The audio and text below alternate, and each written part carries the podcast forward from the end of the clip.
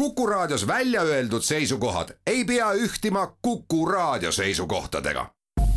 Te kuulate Kuku Raadiot.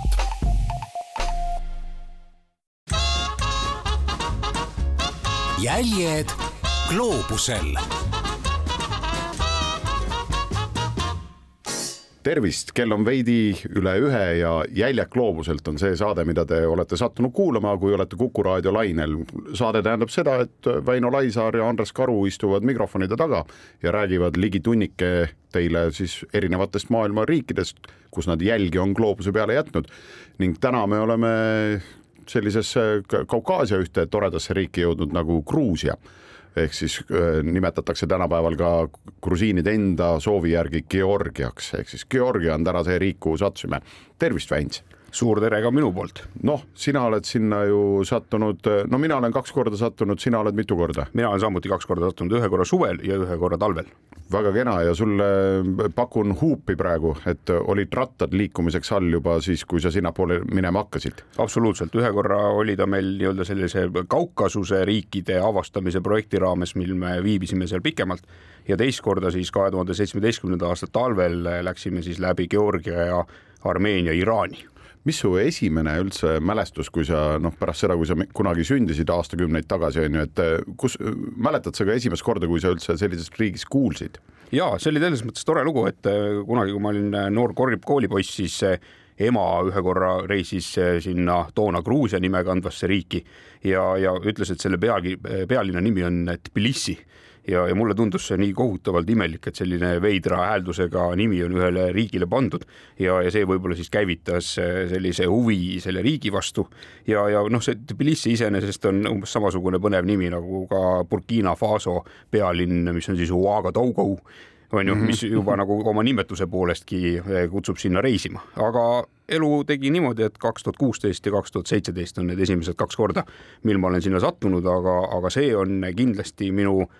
top kümne riigi seas, nii et, et sinna ma lähen veel tagasi. No absoluutselt, eh, jään sinuga nõusse, ma sattusin mõned aastad varem, mina käisin ka kaks aastat järjest seal aastatel kaks tuhat kaksteist ja kaks tuhat kolmteist ja eesmärk tegelikult mõlemal korral oli sama. Eh, samamoodi liikusime ratastel, ükskord minu džiibiga ja ükskord ühe päris hästi veereva Audi A6-ga, üsna uuega. Oh,, luule peaaegu tuleb siin, eh, mida iga päev ei kuule, et siis eh, need põhjused tegelikult, et eh, Georgiasse sattuda olid samad, me tegelikult sealt läbi liikusime hoopis Türki kus on selline kuulus piiblist ammu ilma tuntud mäetipp nagu Ararat, mis kunagi oli armeenlaste oma. Ja nii-öelda Jerevanis, kui lähed siiamaani, lähed hommikul rõdule ringutama siis äh, näed ikka seda tippu sealsamas kohe kõrval kõrgumas, aga sa tead, et see on pagan nende türklaste käes, on ju. vot ja me sellesama mäe peale tahtsime ronida ja siis äh, seetõttu valisime ükskord, läksime Türgi poolt, äh, no ütlen ikka Gruusiasse vahepeal. teinekord läksime, siis tulime Aserbaidžaani poolt, et saan aru, et sina oled ka aserite poolt tulnud sinna ükskord. ja kahest erinevast kohast olen sisse sõitnud, tegelikult isegi kolmest, sest ka nii-öelda sealt Armeenia poole pealt Georgiasse tagasi. tahan siinkohal täpsustuseks öelda selle nime kohta seda, et eh, toona ja, ja ütleme, valdav inimesi võib-olla ikkagi teab neid või seda riiki Gruusiana, aga, aga peale iseseisvumist on nad siis lahkelt palunud sõbralikel riikidel ennast Georgiaks nimetada, et ka vabaneda sellest Nõukogude taagast. jah, sõbralike riikide alla Venemaa ei käi, Venemaa on sealt hammustanud ka mõned tükid ära, oled sa nendele aladele ka sattunud? me ühe korra proovisime Lõuna-Osseetiasse sisse saada, aga seal oli relvastatud mehed risti-rästi täiesti ees ja, ja meid kuskilt ei, ei lastud sinna ja öeldi, et me teame teid küll. niikuinii hakkate siit kuskilt läbi võsa minema, aga, aga sealt saame teid ka kätte, nii et me igaks juhuks ei hakanud sealt rohkem pusima. ja, ja ühe korra proovisime ka siis või õigemini mängisime mõttega, et tuleme Abhaasia kaudu tagasi, et seal on hästi palju erinevaid eh, vanu Eesti külasid ja, ja veel Eesti inimesi, aga nii palju, kui me kohalike käest uurisime, siis nad ütlesid, et seal see läbipääs on suletud ja, ja ei olegi midagi teha, kui tuleb seda koledat Põhja-Osseetia Kaspeki piiripunkti või Kaspeegi piiripunkti kasutades läbi minna. kas see oli, kas see üldse ma olen kuulnud, et nii mõnigi sealne piiripunkt ei olegi nagu eriti läbitav, kas see läheb nende alla või? ma, no minu hinnangul on see maailma kõige kiuslikum eh, piiripunkt üldse. Ja, ja sealtsamast eh, siis Vladikavkassist eh, allapoole sõites jõuab sinna Kaspeegi piiripunkti. Ja, ja see on siis see nii-öelda Venemaa ja, ja Georgia vaheline piiripunkt ja, ja seal on absoluutselt kõige kiuslikumad inimesed tööl, kes üldse maailmas olemas on, sest iga kord, kui me oleme seda ületanud, siis on meid jälle üle kuulatud, et kes keegi on ja, ja ja miks te siia tulete ja kus te töötate ja, ja mitu pereliiget sul on, no ühesõnaga mingi täiesti sellised lambi küsimused. täpsustame ikkagi, et seda kiusu on Venemaa poolel. just, just, just, et kui, et kui sa jõuad sinna Larsi piiripunkti, mis on Georgia poole peal, siis see on selline noh liblika lend sealt läbi, kus inimesed on rõõmsad, mhm. naeratavad, sul on seal palju ruumi, kõik on avar ja valge. aga, aga see Kaspeegi piiripunkt, kui sind nii-öelda sinna sellesse piiripunkti anaalidesse kuhugi viiakse, siis see on nagu pigem niisugune suur ülekuulamise eh, kamber ja, seal neid ülekuulamislehti, mis meie allkirjadega on sisustatud, on ääreni täis ja, ja teist korda, kui me tulime siis Iraanist tagasi siis äh, meid oli juba korra minnes üle kuulatud ja, ja siis asuti meid uuesti üle kuulama, aeti mingisugune spetsiaalne ülekuulaja välja, kes siis meid üles rivistas ja sealt me saime mingite tundide pärast ainult sellepärast minema, et piiri peale jõudis äh, reisibussitäis ukrainlasi ja, ja see oli täpselt see aeg, kui see Ukrainas esimene jama lahti läks ja, ja siis äh, vaadati, et las need eestlased lähevad, nendega pole midagi teha. et meil nüüd tuli järgmine bussitäis peeditavaid sinna kohale ja, ja, ja see on minu meelest ka nagu Eh, maad mööda eh, Georgiasse minemise kõige suurem takistus, lihtsalt see kohutavalt ebamugav ja ebameeldiv kogemus seal piiri peal. ja tegelikult autoga sinna minnes hakkavad need ebamugavad eh, kogemused juba veidi varem pihta, sest ütleme, kui seal Venemaa allumist piiri äärde sõita, siis, siis on seal palju selliseid sisevabariike, üks nendest on Ingusseetia ja mis siis on otsapidi koos ka selle Põhja-Osseetiaga ja neil on siis ka sihuke kontrollpunkt seal vahel ja seal ma olen saanud trahvi selle eest, et mul migratsioonipaber oli täidetud mitte kirillitsa tähtedega. E, siis ma olen saanud trahvi seal selle eest, et passi löödud e, riiki sisenemise templil oli kuupäev halvasti loetav ja, ja noh, mõlemad sellised asjad, millega nagu ei oska kokku puutuda, et ega ma seda passi sinna templit ise ei löönud ja, ja neid pastakaga üles odima hakates läheb tõenäoliselt nagu veel hullemaks see olukord on. ja tuttav tunne, meil ka ükskord minek oli siis nõnda, et äh, käisime Venemaa kõrgema tipu Elbruse peal ronimas ja sealt edasi läksime ka kõik need Kabardi-Balkaariast Ingušeetiasse Tšetšeeniasse, sealt Dagestani, siis äh, mäletan neid kontrollpunkte, meid päästis see, et äh, kui ma läksin kontrollpunkti tüüpidega läbi rääkima, siis ma üritasin olla nii juhm, kui vähegi võis, lasin enda üle naerda, heita nalja e-, eestlaste teemal, tegin näo, et ma aru ei saa. Vahepeal pidin naeru tagasi hoidma, sest mõned naljad olid päris head, mis nad eestlaste kohta tegid, aga igatahes saime sealt ilma trahvideta tulema mm. -hmm. ja, ja siia vastukaaluks siis hoopis eh, teine riiki sisenemine siis, kui me tulime Aserbaidžaani poole pealt, sealt kõige ülemist piiripunkti kaudu, siis eh, kuuskümmend kilomeetrit enne piiripunkti oli suvaline kruusatee, ainult lem-, lambad ja lehmad tee ääres ja tundus, et äkki seal ei olegi üldse piiripunkti, et kuhu me siit välja jõuame.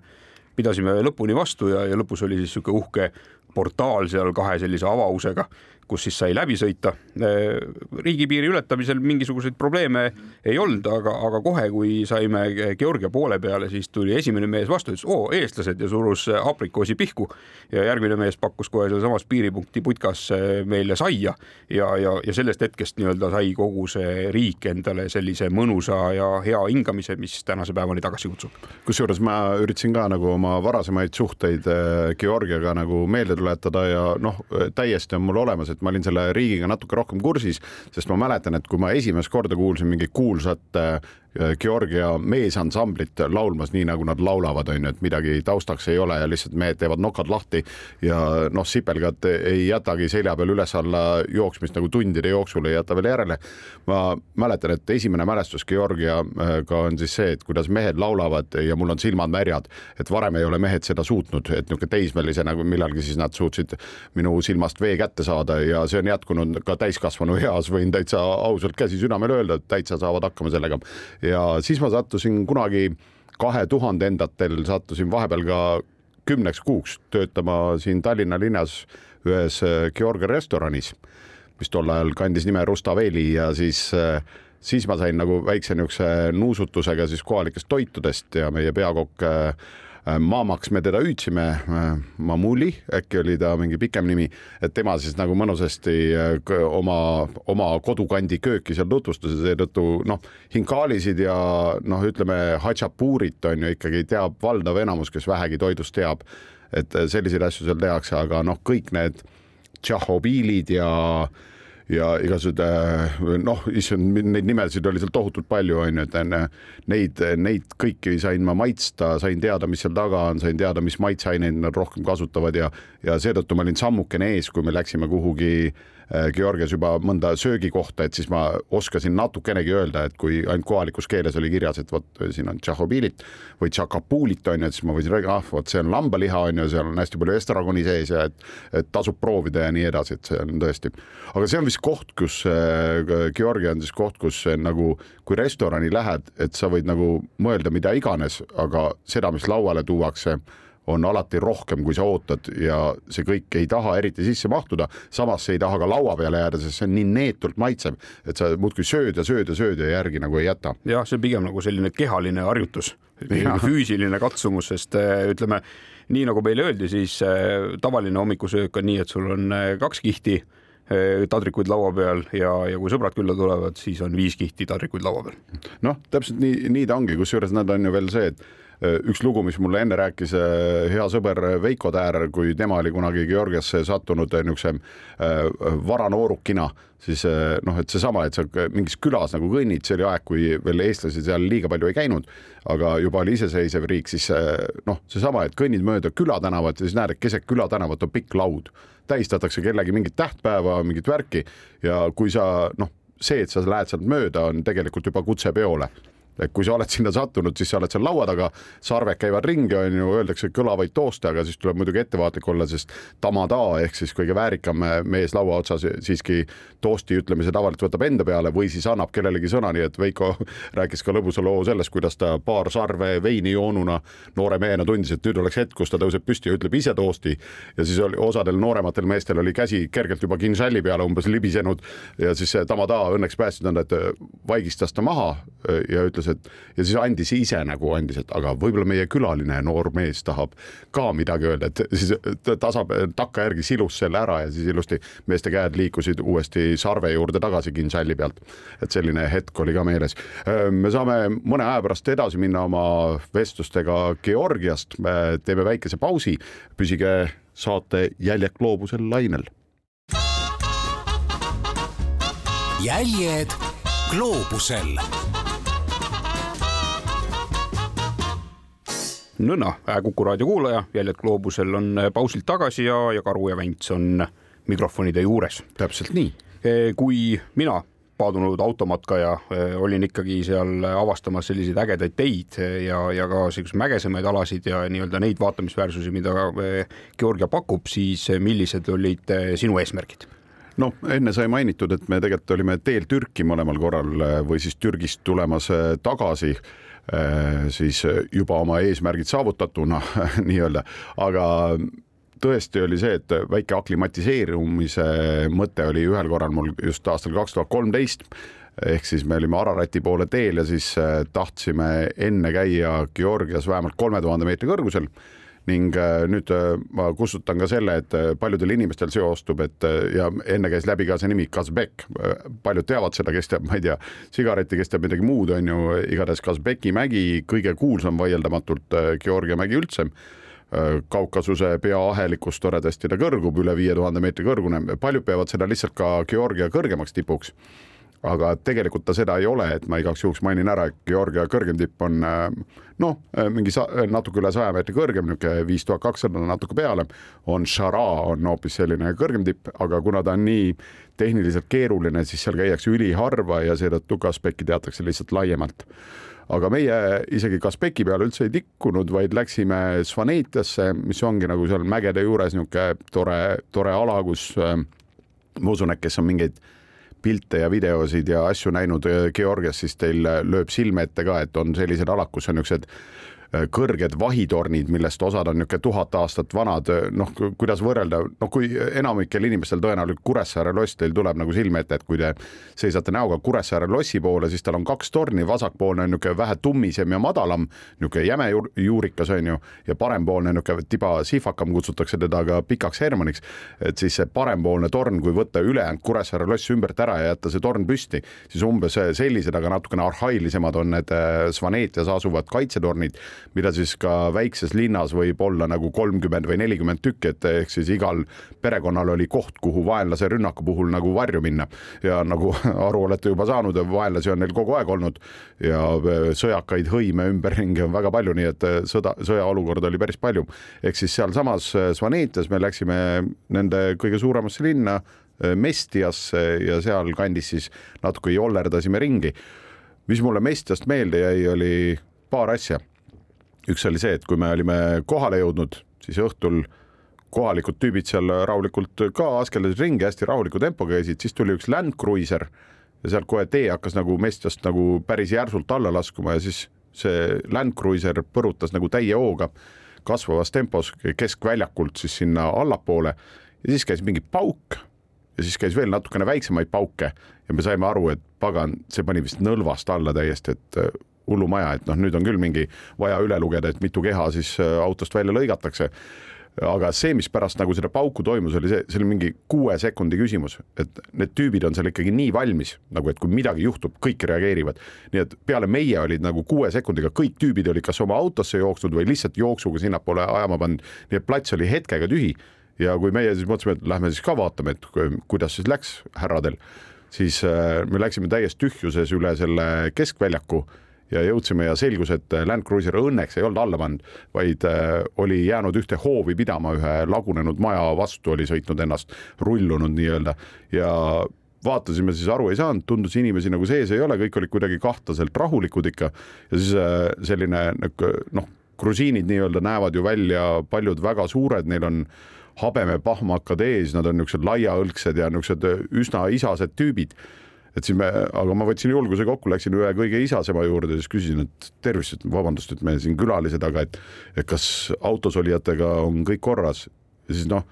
maailma kõige sõbralikum inimene üldse pöördub sinu poole vastu, kes ütleb oi, aitäh, et te küsisite, et kust te olete Eestist, oi vennad on ju ja et see, et väga armas, et te hoolitsete, et üks mees ainult oli autos, temaga on kõik korras, on ju, kuigi ta rihma kinni ei pannud, aga siiski läks seekord hästi, on ju, et kõik padjad noh, pehmendasid löögid ära ja, ja noh, niisugune ääretult südamlik ja pikk vestlus tuli sellest ja, ja hea meel oli selle üle, et kõik jäid ellu. ning äh, siis teine lugu oli see, et kui, kui me läksime nagu ülespoole, siis oli päris lahe hetk, me olime, jäime ühe väikese mägikiriku juures, mis oli ühtlasi ka niisugune varjupaik, et kui keegi mägedesse hilja peale jääb, võib seal magada siis kui selle juures nagu ööbisime, siis oli niisugune udu oli mägedesse laskunud või oli see pilv, ei tea, isegi pime aeg. siis väljas olime lõkke ääres ja siis me nägime, et surm tuleb meie poole hobusel. täiesti totaalne Äh, hobusel pikas äh, mantlis kapuutsiga vikat pea kohal, lihtsalt laisal sammul tuleb otse meie suunas ja me mõtlesime, et tibavara veel, ei tahaks veel minna. ja muidugi, kui lähemale tuli, siis selgus, et oligi karjus, kes oli käinud nagu eh, heina tee äärest niitmas oma loomadele ja oli lihtsalt pimeda peale jäänud, aga tõesti hoidis eh, täpselt nagu noh, tuleb kõikidest multifilmidest ja mujalt surm meelde, siis vikat on tal pea kohal, kapuuts on peas ja noh, niisugune ette niisugune vend ratsutas välja ja loomulikult eh, noh, sealt edasi ta võttis oma hobuse paunast, võttis välja on ju kohaliku noh, lavaši ja, ja, ja mingit suluguuni juustu umbes ja, ja kostitas meid ja, ja oli hirmus õnnetu, et Tšatša ikkagi koju jäi.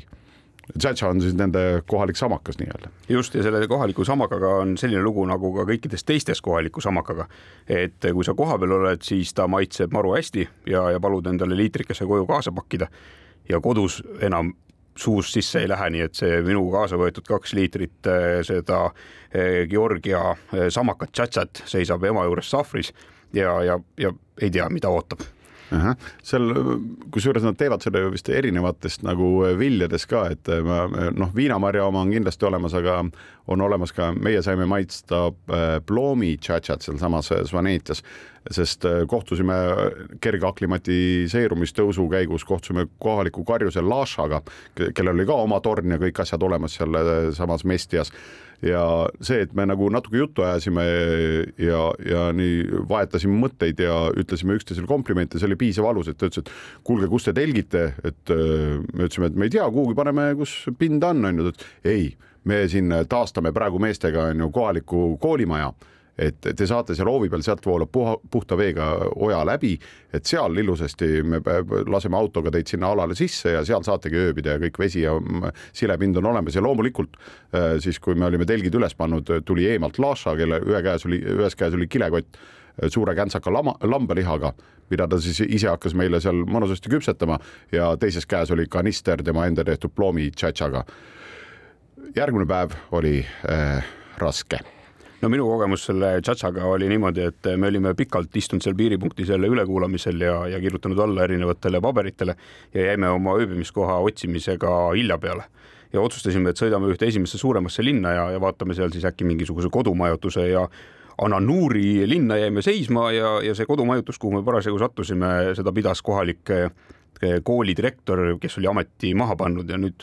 veetis sellist mõnusat vanaduspõlve. Ja kuna see oli talvereis ja me olime pikalt juba, kes telgis, kes autos külmade ilmadega maganud, siis eh, paljud olid endale väikese nii-öelda nohu ja köha saanud. Ja, ja mees siis ütles, et kuule, te olete täitsa ära külmetanud, et tulge vaadake mulle keldrisse, mulksus seal meeletutes sadades liitrites seda, seda tšatšat. Ja, ja siis ütles, et näed, ma õpetan teile praegu jube kihvti triki, et eh, siin on pits tšatšat, raputas sinna sisse tavalist musta pipart ja ütles, et nüüd hästi aeglaselt eh, lase sellel kurgust alla voolata. noh, mis on katsumus omaette, aga, aga see mõju sellele köhale oli umbes samasugune nagu mingisugust teleturu reklaami vaataks, et kõik oli selline puhas magic ja, ja ütleme teise pitsi järel oli, oli äh, köha kadunud, äh, ninast käis õhk läbi ja, ja noh, järgnevate pritside või pitside jooksul hakkas ka igalt poolt mujalt midagi läbi käima, aga, aga noh, see on juba nii-öelda jääkprodukt või noh, see nii-öelda edasine tulem. üks ilus kaader oli ka sellest, et Mestias oli ka turismi infopunkt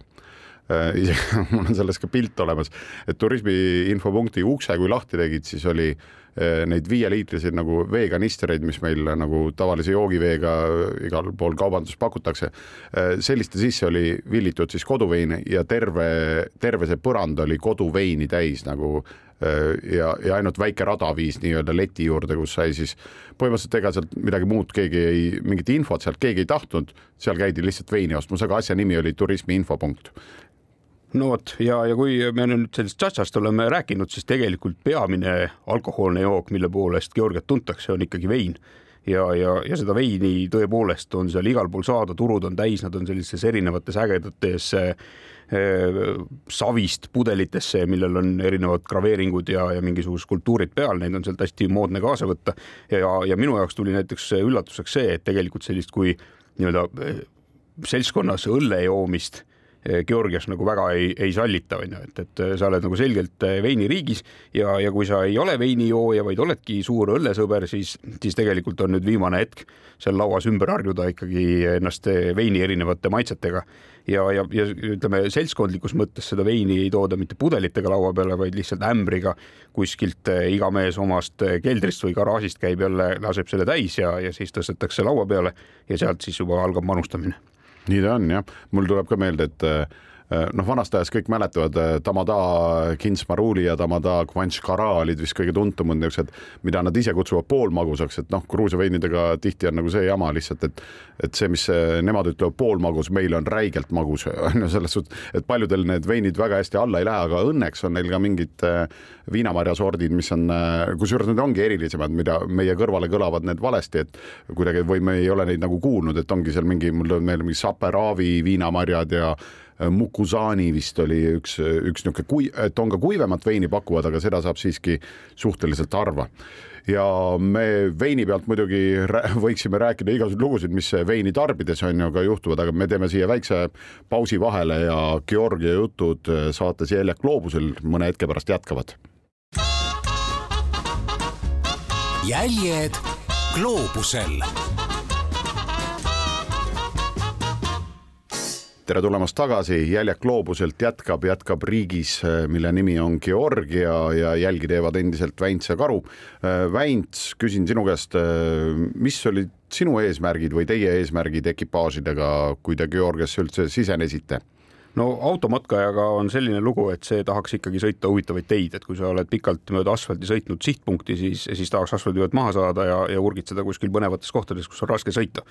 ja, ja seal eh, nii-öelda Georgia kirdenurgas on siis eh, Dušeti rahvuspark ja, ja mis on ühtlasi ka Georgia suurimaid ja seal on meeletus koguses matkaradasid, noh, kirja järgi üksteist, sellisest tunnisest, paaritunnisest kuni siis saja kilomeetristeni välja.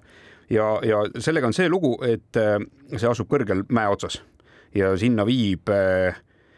kaheksakümne kilomeetrine tee ja, ja selle läbimine võtab aega umbes neli tundi headel tingimustel, et, et seda ühtlasi loetakse ka maailma top kümne, top kümne halvima ja ohtlikuma tee hulka ja, koguni. just ja, ja see on tegelikult seitsmekümne kaheksandal aastal tehtud tee, aga kuna hooaeg laseb seal sõita eh, ainult eh, maist oktoobrini, siis ülejäänud aeg on see tee üldse kinni ja, ja põhimõtteliselt läbimatu. ja, ja selle tee lõpus asub Omalo nimeline küla kus siis need, kes sinna kohale jõuavad, saavad seal majutuda, saavad seal süüa restoranis ja need, kes ei taha seda teha, siis saavad seal erinevates eh, punktides telkida ja, ja, ja matkamas käia, onju ja, ja samamoodi on siis alustasime meie seda, seda tõusu ja, ja kui öeldakse, et sellel päeval, kui seal on meeletu udu, on nähtavus neli meetrit ja, ja sa sõidad mööda siukest mägi serpentiini, kus vahepeal mäest tulevad jõed on tee ära viinud ja ja, ja, ja olud võivad olla vahepeal väga rasked, siis meie esimene sõit sinna oli küll selline, et ma arvan, et seda neli meetrit nähtavus oli ikka selge liialdus nii et me põhimõtteliselt sealt tee äärest nagu alla enam ei näinud, mis sealt serpentiinist edasi tuli ja, ja urgitsesime ennast tõenäoliselt mingisuguse viie tunniga sinna mäe otsa, vahepeal kukkus droon veel eh, mäe nõlvalt alla, õnneks mitte nii kaugele, et, et selle sai sealt ära tuua. aga üles jõudes eh, ilm klaarus ära Eh, ööbisime seal, eh, vaatasime veidi ringi, rääkisime kohalikega juttu ja, ja kui siis järgmisel päeval hakkasime tagasi sõitma, siis eh, jooksime sealsamas mäe otsas kokku ühe Eesti piigaga, kes oli saksa piigaga seal matkamas ja, ja neil oli natukene vist hakanud söök vaikselt otsa saama, aga meil oli meeletus koguses autodes sööki kaasas, nii et jätsime neile hunniku konserve ja igasuguseid muid kuivaineid ka ja, ja läksime siis eh, oma teed. Ja ka tagasitulekuga allasõitmisega oli see lugu, et eh, udu oli ära läinud ja oli ilus päev.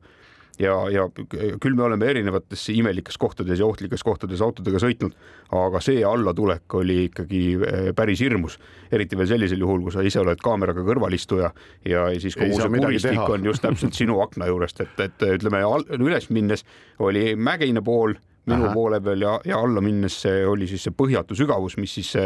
mille muidu võttis udu endasse, aga, aga nüüd oli see kõik avatud ja, ja, ja täpselt niimoodi oligi, et tee peal vahepeal toimusid jälle lindtraktoriga suured teeparandustööd, millal prooviti mäe sisse uut rada lükata, sest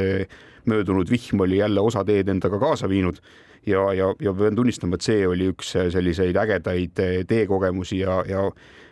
mis, mis meile sealt Georgiast kõigile meelde jäi. Ja, ja samamoodi soovitan et kui keegi on maasturiga eh, Georgiasse minemas, siis, siis see on üks rada, mida sellel hooajal kindlasti ette võtta ja, ja mida tasub, eh, tasub läbi sõita. Jah, see on äh, muidugi mägede vahele sõitma olen ikkagi palju sattunud, et siis jah, seal ei ole ju mitte ainult see jõed ei tee ja suured vihmad ei vii seda teed ära, vaid samamoodi tulevad ülevalt alla kivilaviinid, mis samamoodi kuhjuvad või viivad selle tee osaliselt ära ja, ja talvel loomulikult laviinid ise lõhuvad seda teed ka, nii et äh, minu soovitus lihtsalt, kui te lähete sinna maasturiga, et siis äh, hästi oluline on see, et kui sa jätad auto kohas seisma, kus tundub, et lahe oleks drooni lennutada ja elukaadreid saada, siis äh, et need ei jääks teie elu viimasteks kaadriteks, siis ikkagi üks silm peab olema mäe külje peal, sest kui sa kive kuuled tulemas, siis nad on juba kohal. nii et tore oleks neid märgata natukene varem, nad õnneks annavad tihti kas tolmupilvega või millegiga annavad nagu sellest ka märku ja liikumisega. no ja, et sa selle maasturi jutu siia nüüd juurde tõid, sest see kindlasti tasub ära märkida, et, et sinna on ikkagi mõistlik minna nelikveolise autoga, sest selle pooleveolisega ei ole seal suurt midagi teha, et seal vahepeal tõusud selle kruusa koleda tee peal lähevad nii suureks, et, et see pooleveoline lihtsalt ei, ei pruugi sealt üles minna, noh muidugi kindlasti on mingisuguseid võimalusi ja mingisuguseid mehi, kes oskavad igasuguste asjadega sinna üles sõita. ja, ja, ja selle tee käigus siis tuleb ületada Abano mäekuru, mis siis eh, on kahe tuhande kaheksasaja meetri kõrgune, et see on siis nii-öelda tipukoht, kus kohas see tee läbi läheb ühed niisugused äh, kõige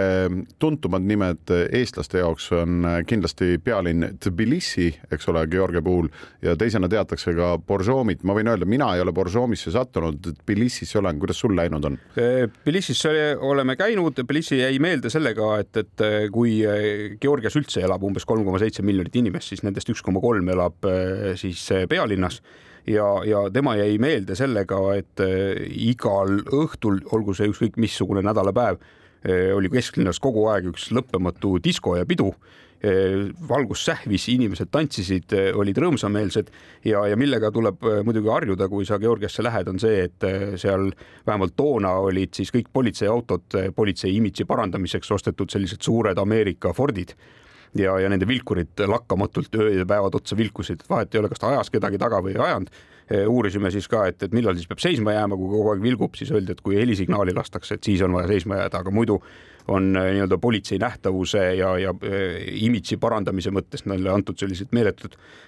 suured sedaanid ja, ja vilkurid peavad kogu aeg põlema ja see, see kusjuures on paljudes naaberriikides ka, et isegi vist Iraanis oli ka samamoodi, et ega nad väga neid välja ei lülitanud, sama Türgis on ju. et noh, minu jaoks, mina olen alati mõelnud selle peale, et see ju devalveerib, on ju, et äh, sa vaatad tahavaatepeeglisse ja siis täiesti ignoreerid mingil hetkel, aga võib-olla politseil ka ühel hetkel väga kiire, et seda siis nagu teada ei saa, aga noh, see, see selleks. ööelu kohta jah, mul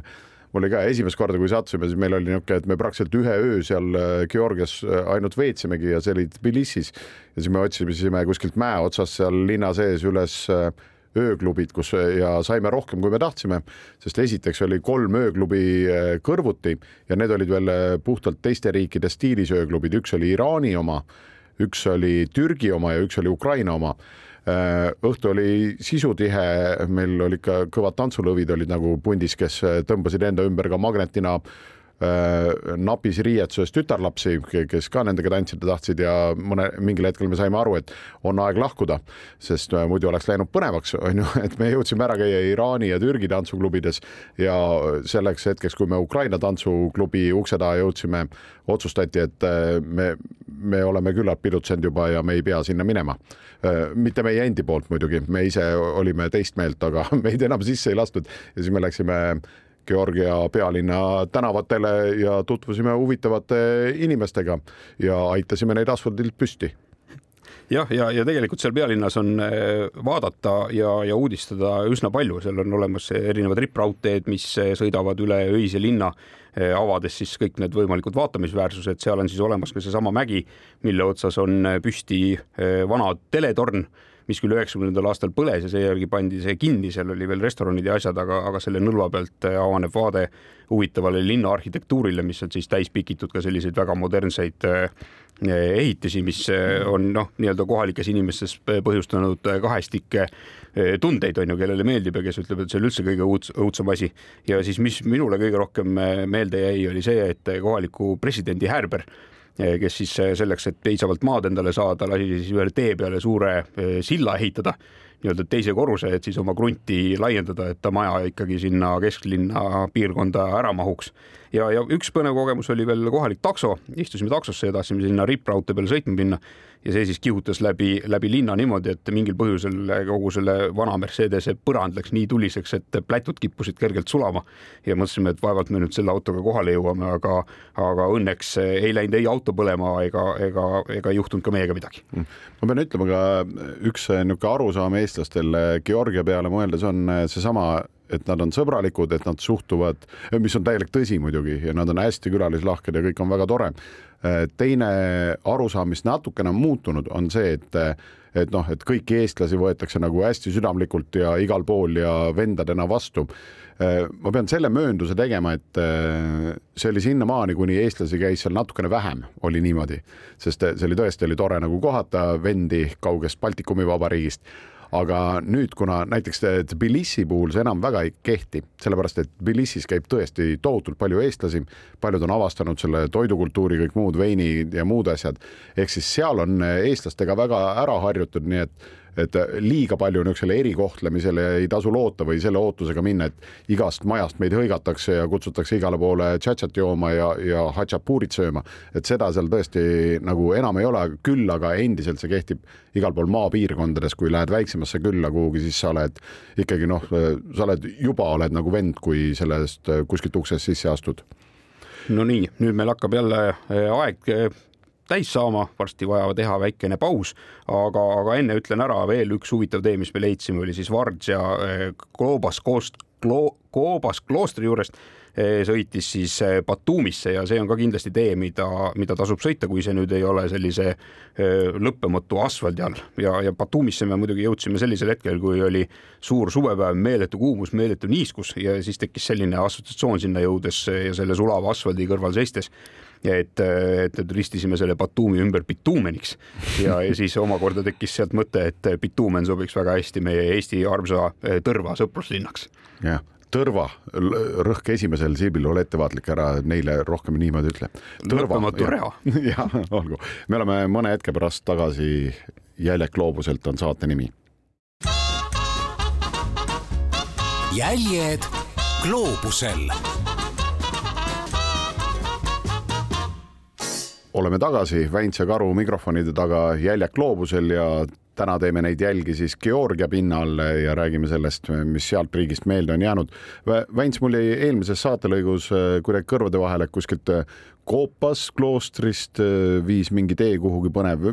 räägi natukene, palju sa üldse kloostritesse ja niimoodi sattusid ja mägede sisse eks me oma reisidel ikkagi proovime hoida mingisugust tasakaalu selle kultuurilise poole peal ja, ja, ja ka läbitavate teede osakaalu osas. Ja, ja Georgia oli selles mõttes huvitav, et, et sealt me leidsime üles minu hinnangul või vähemalt nendes riikides, kus ma käinud olen, kõige eh, huvitavama Koobas kloostri eh, kompleksi. Ja, ja Vardžia on selle nimi. Ja see on ehitatud kaheteistkümnendal sajandil ja seda on nüüd aja jooksul eh, maavärinad räsinud ja, ja osad nendest käikudest on kinni, aga originaalis eh, oli seal umbes eh, üle neljasaja ruumi mägede sisse uuristatud. Ja, ja kui algselt oli seal umbes viisteist korrust, siis tänaseks on nende maavärinate ja, ja muude jamade tulemusena umbes kaheksa, kaheksa korrust järgi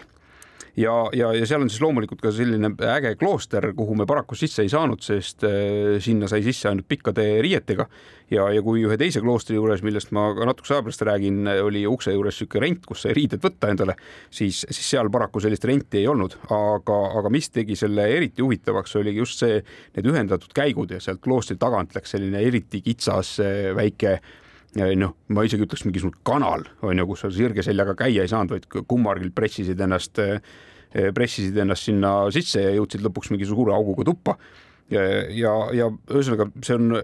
siiamaani mul väga eredalt meeles, kui üks asi, mida ma olen alati soovitanud, kui keegi küsib, et kuhu Georgias minna, siis, siis selle täpi ma olen sinna kaardi peale pannud et, et, et see ja seal oli veel selline põnev lugu, et see pilet, mis sinna sissepääsu lubas, siis seda ei tohtinud peale külastamist ära visata prügikasti, vaid selle pidid jätma kas sinna kloostrisse või siis piletiputkesse tagasi andma. et seal oli püha ikooni pilt peal ja, ja seetõttu ei võinud seda lihtsalt eh, nii-öelda nagu hunti lasta, vaid, vaid pidid lugupidamisest selle ikooni ja, ja selle koha eh, eh, vastu andma sinna hoiule tagasi ja mul tuleb meelde see, et äh, ka ühel taksosõidul Tbilisi linnas, et rääkides nüüd nende uskumisest ja kõigest sellest, et nad on ikkagi väga-väga usklik rahvas. Nad on need, et ka taksojuhiga sõidad, siis ta mingil hetkel näed, kuidas ta lööb risti ette, on ju, ja siis äh, märkad, et oo, tõepoolest vasakut kätt on äh, järjekordne kirik, on ju, neid on seal palju, aga mingil hetkel ma Tbilisis, kuna seal kunagi oli tugev maavärin, on ju, siis väga palju hooneid ka, noh, see ei olnud üldse ammu, mingi kolmkümmend aastat tagasi, nii jämedalt veidi vähem. ja siis äh, toimus tugevam maavärin ja siis hävinesid ka mõned kirikud, siis ühel hetkel ma avastasin selle, kuidas taksojuht lööb risti ette, ma vaatan vasakule-paremale, ühtegi kirikut ei ole, lihtsalt mingi tühi plats on seal. siis küsisin ka, et oota, seal oli risti ette, et siis ta ütles, et jah, et siin oli kirik omal ajal, et neil on jäänud see, et kui kunagi siin oli, siis see on endiselt püha paik, mis sest, et karpi enam ei ole, aga sisu nii-öelda hingeline sisu on seal olemas, et Jumal on endiselt seal kohal mulle meenus sellega kohe episood eh, Peruust, kui me sõitsime väikese kollektiivoga eh, Machu Picchu poole, siis eh, udusesse, udusesse kurvi tuisates lõi, lõi bussijuht ka igaks juhuks risti ette, et mine tea, mis sealt kurvist vastu töötab, aga, aga õnneks läks kõik hästi ja ja, ja oli taas üks põnev asi, mis jälle meelde sööbis. aga, aga veel kloostritest natuke siis Aserbaidžaani piiri ääres Äh, läksime ka otsima ühte kividesse uuristatud kloostrit ja, ja kõigepealt sattusime natukene valesse kohta. oli mitte kivisse uuristatud klooster, suur ehitis mäenõlva peal ja, ja seal oli siis niimoodi, et ka nii-öelda kloostri ruumidesse sissepääsemiseks oli vaja pikad riided selga panna, kuna tegemist oli suvereisiga ja keegi sinna pikkade riietega ei sattunud, siis oli ukse juures selline riidekuhi kus siis sai endale sobitada mingid pikemad püksid jalga. tõsi, need enamus pikemaid pükse olid küll mõeldud veidi väiksematele inimestele, kui meie olid. nii et osa jalgu sai sinna sisse panna, üle kannikate üks, ükski püksipaar ei tulnud, rääkimata sellest, et lukk või nööp kinni läheks, aga tõmbasime särgi natuke allapoole ja, ja käisime seal sees ikkagi viisakusest tiiru ära ja, ja süütasime süütasime küünla ja, ja tegelikult sealt natuke maad edasi sõites leidsime siis üles ka selle David Karetši eh, kloostri, mida me otsima läksime. ja, ja see on täiesti aktiivne nunnaklooster tänase päevani, kus siis nunnad ise toodavad oma e-, energiat seal ja kasvatavad süüa. ja, ja seal siis lisaks sellele ehitatud kloostri osale on siis see, selle jalamil kivi sisse uuristatud ka selline väike eh, nii-öelda käikudega, käikudega ruum mm. sa, sa enne selle saate jooksul millalgi mainisid, et et Georgi on kindlasti sinu top riikide hulgas ja sa tahaks sinna tagasi minna, on sul nagu see plaan juba ka olemas, et mis on need asjad, millest sa oled kuulnud, aga mida sa veel ei ole näinud ja mille pärast sinna tagasi minna tasub? ma pean tunnistama, et äh, ega ma nüüd ei ole mingisugust sellist masterplaani teinud, ma lihtsalt tahaks sinna tagasi minna selle mõttega, et mul oleks rohkem aega et, et sõita see väike riik lihtsalt risti-põiki läbi, noh, ütleme, kui oma suuruse poolest on ta kuuskümmend üheksa tuhat seitsesada ruutkilomeetrit, mis on veidi suurem kui Eesti. et ma arvan, et kui seal niisugune kaks-kolm nädalat rahulikult koha peal ringi urgitseda, et siis, siis leiab sealt kindlasti väga väga põnevaid eh, kohti veel, aga, aga noh, nagu igasuguse automatka puhul, siis tegelikult see aeg on alati mingisugune faktor, millest tuleb kinni hoida ja, ja kellel saavad puhkused läbi ja kellel tulevad muud tööasjad peale ja, ja kellel mingid muud asjad või ootavad uued vaatamised ees, nii et, et alati on olnud eh, kergelt kiire. no seal jah, et üks asi, mida eh, noh, see suuruse eelis on siis Georgia puhul ka ju see, et et näiteks sa võid hommikul ärgata sealt Musta mere äärest on ju Batumist näiteks ja kui sul on ikkagi tunne, et tahaks hoopis mägedes olla, siis tegelikult mäed on nagu noh, ütleme kolme-nelja tunni autosõidu kaugusel sa näed juba väga vahvaid mägesid. nii et või siis vastupidi, et sa ärkad mägedes, aga tunne on, et siin on ikka täna niisugune sombune ja jahe, et sõidaks alla Batumisse näiteks on ju või Suhumisse on ju, et siis see kõik on nii-öelda käe-jala juures, et seal ei ole midagi nagu üle mõistuse. seetõttu on seal tõesti igale maitsele nagu kõik võimalikku, on söögid head köök äh, lahe, nad on hästi avatud, äh, nad on erinevate usundite suhtes üsna tolerantsed, nad on äh, erinevate inimeste vastu väga külalislahked, nii et see on üks tõepoolest üks tore, tore paik maamunal ja seda, et iga nurga tagant võib midagi huvitavat leida, sai kinnitust sealsamas Ananuuris, kus meil see tšatša kogemus oli. et kui hommikul sõitsime kõrval asuva mäetipu poole, et vaadata seal mingisugust arusaamatut kõrguvat torni, siis kohale jõudes selgus, et torn oli küll olemas, aga selle jalamile oli siis tekkinud mingi selline noh, võiks öelda kokku klopsitud hipikommuuni laadne kloostritoode, kus oli suure halli habemega mees, kes siis juhtis kogu seda karja ja, ja ülejäänud olid siis kolinud elama sinna ja igasugustest eh, kättejuhtuvatest liiklusmärkidest ja laudadest, mis nad olid kuskilt leidnud mööda mäejalamit, siis klopsinud endale neid erinevaid eh, eluaseme eh, tubasid ja, ja väikseid, väikseid nurgakesi, onju et, et, et ega see noh, seda sa kuskilt mujalt ei näe, kui sa lihtsalt sõidadki mingi tee lõpuni ära ja, ja siis avastad, et vot näed, missugune põnev asi selle tee lõpus oli jah, ja kui veel korra hüpata Musta mere äärde ja rääkidagi nendest suurtest kuurorditest, siis noh, olgem ausad, mingit pidi on seal ju natukene igavgi selles mõttes, et eh, nad ei erine nagu eh, noh, kõik kuurordid, mis on ükskõik mis riigi territooriumil, näiteks Musta mere ümber, et eks nad mingis suhtes on sarnased, ükskõik, kas see on Ukraina või Türgi või Georgia on ju, või siis teisel pool veel, mis seal on Bulgaaria, mis ulatuvad ka sinna välja. et nad on suht sarnased, aga see, mis teeb erinevuse, ongi seesama, see, kuidas grusiinid sind kohtlevad ja kuidas nad sind võtavad ja kui külalislahke nad on, et pean ütlema, et kuigi üle piiri Türki minnes, see on ka nagu nii-öelda tunnustamata Kurdistani ala, kuhu sa satud Georgiast minnes. et seal on ka suurepärane külalislahkus siiski ma ei tea, kuidagi kodusemalt ma tunnen ennast Musta mere ääres kõige kodusemalt üldse, tunnen igal juhul Georgias alati mm. -hmm. üks koht, kuhu me veel sattusime ja mille jõuaks siin põgusalt ära rääkida, on siis ikkagi see kuulus Boržomi, mille nii-öelda neid vedelikke me siin ka kodumaal eh, tarbime ja, ja me läksime sinna selle mõttega, et äh, juttude kohaselt pidi olema seal suur Borjomi bassein vabas õhus, kuhu siis saad kogu oma keha sisse laotada ja siis saad seda tervendavat äh, mineraalvee vanni võtta ja, ja, ja oledki terve kui purikas, kui sealt välja tuled koha peale jõudes selgus, et üks suunas siia suunda ja teine suunas teise suunda ja ütles, et siit kakssada meetrit ja siis lõpus oli juba kaks kilomeetrit vaja kuhugi suunas kõndida ja lõpus me ei jõudnudki, me ei leidnudki seda basseini ülesse. ja, ja siis otsustasime, et, et kuna aeg hakkas otsa saama, et võtame siis kohalikust sööklast igavese käretäie hinkaalisid endale et sööme kiiresti ära ja hakkame siis edasi liikuma, aga, aga kuna me tellisime seitsekümmend hinkaali kogu oma suure seltskonna peale. ja neid kõik... tehakse käsitsi. just ja aga kuna kõik need, kes vähem tellisid, need said oma portsud enne kätte, sest nende kogus oli juba valmis, siis me ootasime oma hinkaale eh, tundi kaks ja olime vahepeal juba nendest saiakestest ja hatšapuuridest ja asjadest oma kõhud kõik täis söönud, nii et kui lõpus me oma seitsekümmend hinkaali kätte saime, siis ma arvan, et me sõitsime üks kolm või neli päeva seda kotti kaasas vedades, sest ära ka ei raatsinud visada, sest vahepeal oli hirmus hea jälle laagrisse jäädes neid, neid süüa ja neid ju saab üles soojendada ja neil on see mõnus nagu leem on sees, mis noh, on nii imemaitsev, et isegi üles soojendatuna ma ütleks, et hinkaalid äh,